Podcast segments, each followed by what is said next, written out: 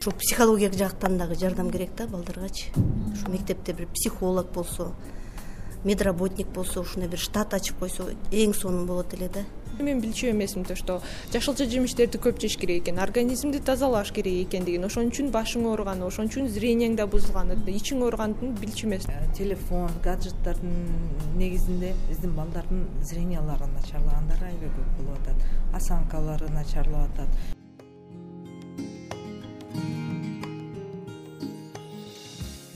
саламатсызбы урматтуу угарман кыргызстандагы өспүрүмдөрдүн психикалык саламаттыгы борбор азия өлкөлөрүнүн ичинен начар деңгээлде мындай жыйынтык юнисефтин өспүрүм курактагы балдардын жүрүм туруму жана ден соолугуна багытталган жаңы изилдөөсүндө чыкты.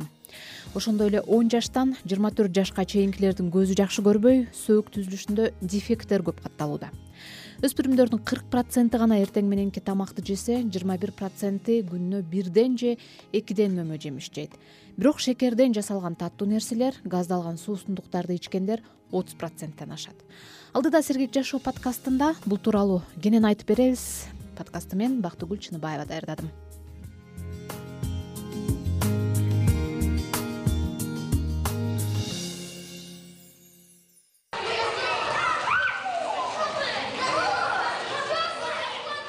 сокулук районундагы манас айылындагы ат башы мектеби алты жүз орундуу бирок азыр бул мектеп коңшу ондон ашуун айыл. Дачадан келген үч жарым миңдей баланы окутууда. Ар бир класста орто эсеп менен элүүдөн бала отурат. Мектептин директору рахат мырзабекова мындай шартта өспүрүмдөрдүн билим алуусу эле эмес тазалык ден соолугу жагынан да кыйынчылыктар арбын кездешерин айтат.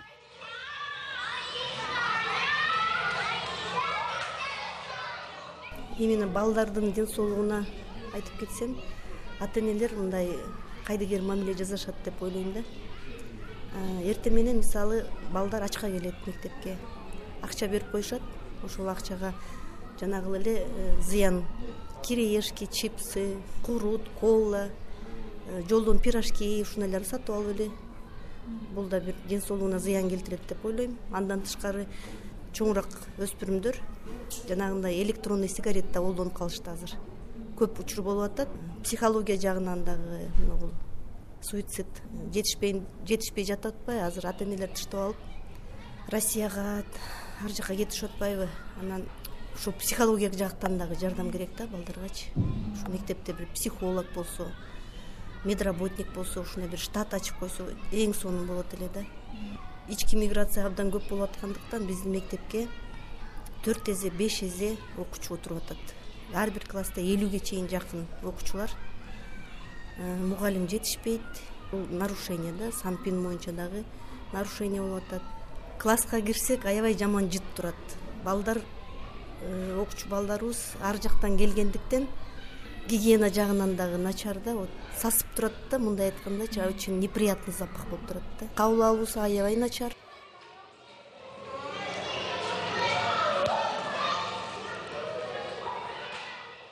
эки миң он жетинчи жылдагы көрсөткүч боюнча кыргызстандагы өспүрүмдөрдүн эки бүтүн ондон алты проценти депрессия менен жабыркайт.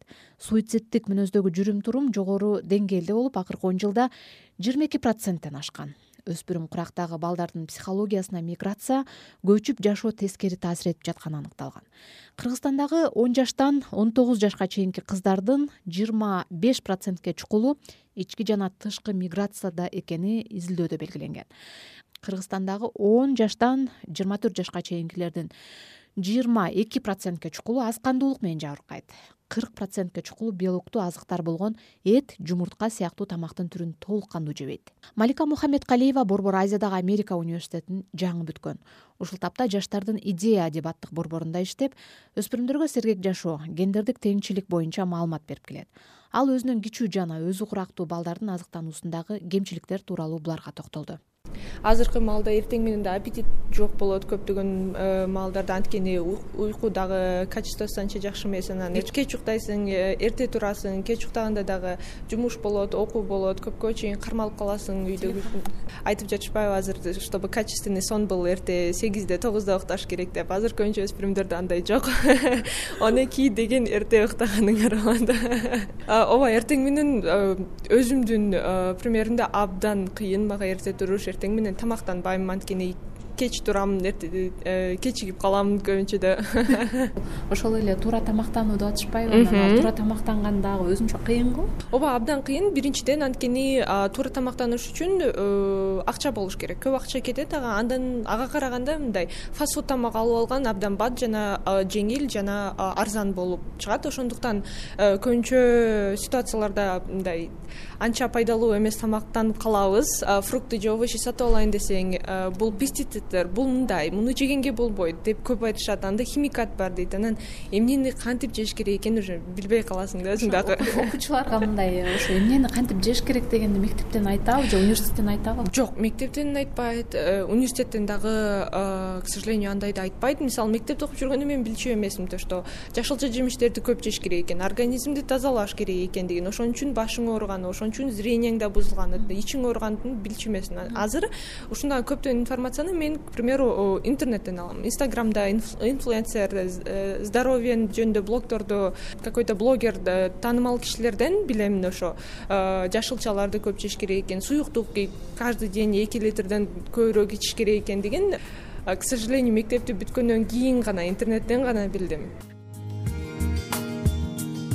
Кадырман угарман сиз азаттык радиосунун сергек жашоо подкастын угуп жатасыз. Аны мен бактыгүл чыныбаева алып баруудамын бул ирет биз кыргызстандагы өспүрүмдөрдүн саламаттыгы боюнча кеп кылуудабыз. Жогоруда айтылган изилдөөдө өспүрүмдөр арасында азыр орчундуу болуп жаткан көйгөй катары кыймылсыз жашоо образы белгиленген. Мектеп курагындагы балдар орто эсеп менен күнүнө жок дегенде бир саат кыймылдашы керек. Бирок азыр балдардын жыйырма проценти гана күнүнө бир сааттай кыймылдайт. Айрыкча кыздар эркек балдарга караганда аз кыймылдаганы ачыкталды юнисефтин изилдөөсүндөгү дагы бир кызык факт өспүрүмдөрдүн тиш саламаттыгы болду. Балдардын көпчүлүгүнүн тишине курт түшкөн пародонтоз деген бүйлө оорусу менен жабыркашат. Буга ооз көңдөй саламаттыгына көңүл бурбоо себеп болгон. Маселен он беш жаштагы кыздардын элүү үч проценти тишин күнүнө эки жолу тазалайт калганы бир жолу гана жууса жууйт жуубаса жок. Ал эми эркек балдардын отуз беш проценти гана тишин күнүнө эки жолу щеткалайт экен. Эне жана баланы коргоо улуттук борборунун башкы дарыгери гүлзат маймерова өспүрүм курактагы балдардын ден соолугундагы орчундуу көйгөйлөрдү мындайча санап берди азыркы балдарда балдардын проблемалары аябай көп. Негизинен ата энелер жумуш менен алек э, мектептен дагы балдар дагы мурункудай биздин убакта советтер союзу убагында деген сыртка чыгып топ ойношпойт бири бири менен жалаң эле телефон жалаң эле гаджеттер болуп калган. Ошол себептерден ушул өзлөрүнүн ичиндеги арыз муунун айта турганга киши жок болгондуктан ошол проблемадан суицидтер дагы ошо кыйла башын көтөрүп атышат. Э, телефон гаджеттердин негизинде биздин балдардын зрениялары начарлагандары аябай көп болуп атат. Осанкалары начарлап атат физикалык активдүү ошого катышкан балдар аз. Негизинен мектептен деле Э, үйдөн деле ушундай жумушту оорураак жумуш жасаган балдар азыраак болуп атат. Биздин балдардын көбүнчөсү эле ушул эртең менен тамак аш жешпейт экен. Тоолуу өлкө бизде жемиш жемиштер көп бар өсүмдүктөр көп бар. Бирок биздин балдар деген жешпейт экен. А вот газированный напитокторду кола фанта жана башкаларды аябай көп эле колдонушат экен изилдөөдө балдардын психологиялык абалы мектепте же интернетте кодулоого учурап жатабы. Жокпу деген жагдайлар да каралган. Он он бир жашка чейинки балдардын кырк эки проценти жашоосуна абдан ыраазы экенин белгилешкен. Бирок балдардын жашы улуулаган сайын жашоосуна нааразы болгондордун көрсөткүчү да көбөйгөн он жаштан он тогуз жашка чейинки өспүрүм эркек балдардын дээрлик баардыгы өмүрүндө жок дегенде бир ирет чылым тартып көргөнүн мойнуна алышкан. Ал эми он беш жаштагы эркек балдардын үч процентке чукулу тынымсыз алкоголь ичет. Өспүрүмдөрдүн саламаттыгын жана жашоо сапатын жакшыртуу үчүн манас айылындагы мектептин директору рахат мырзабекова алгач ата энелерди окутуу керек деген пикирде. Мен ойлойм ата энелерге да кичине сабактай бир мындай үйрөтүш керекпи дейм да. Кээ бир ата энелер көп нерсени түшүнүшпөйт өздөрү деле. Э, бир жагынан жетишпей жетишпей жатышат. Социалдык. Жагынанчы аябай малоимущийлер көп да өздөрү деле көп түшүнүшпөйт. Эптеп эле баланы мектепке жөнөтүп салыш керек. Анан бала өзү келип келиш керек болду. И көп ата энелер жанагы башка жакта жүргөнү дагы себеп болуп атат да. Курсагы ач катуу курсагы ач тоок ошо тыйынын берип коет болду.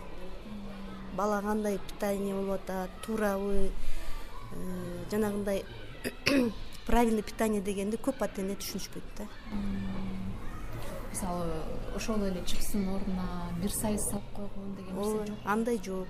Ошо бир помидор бир сабиз же болбосо бир жумуртка андай учурларды көрбөйбүз биз. Таптакыр көрбөйбүз. Келет ушул столовыйдан биздин столовыйдан тамактанышат. Башталгыч класстар горячий питаниясы бар. Бир жагы очень жакшы экен да ушул горячий питание деген. Бала сразу мындай бодрый болуп сабакты дагы жакшы кабыл алып мындай эметкенчи а мындай чоңураак балдарыбыз бештен он бирге чейин. Алар өздөрү менен өздөрү келет тыйын алып коюшат ушу каалаганын алып жеп атышат да.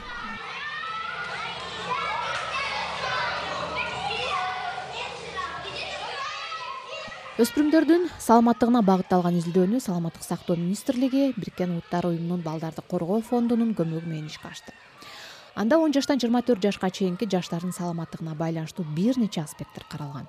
Чыгым тартуу психикалык саламаттык жугуштуу оорулар сыяктуу багыттарда изилдөө болгон.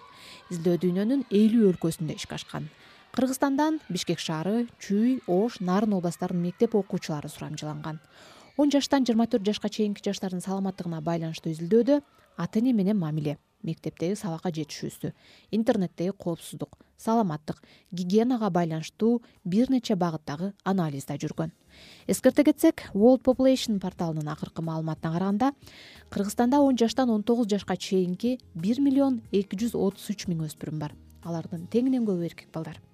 Урматтуу угарман сиз бул ирет сергек жашоо подкастында өспүрүмдөрдүн саламаттыгына багытталган жаңы изилдөөнүн жыйынтыктары тууралуу маалыматтарды ошондой эле адистин өспүрүмдөрдүн жана мугалимдин пикирин уктуңуз. Аны ого мен бактыгүл чыныбаева даярдадым. Оорубаңыз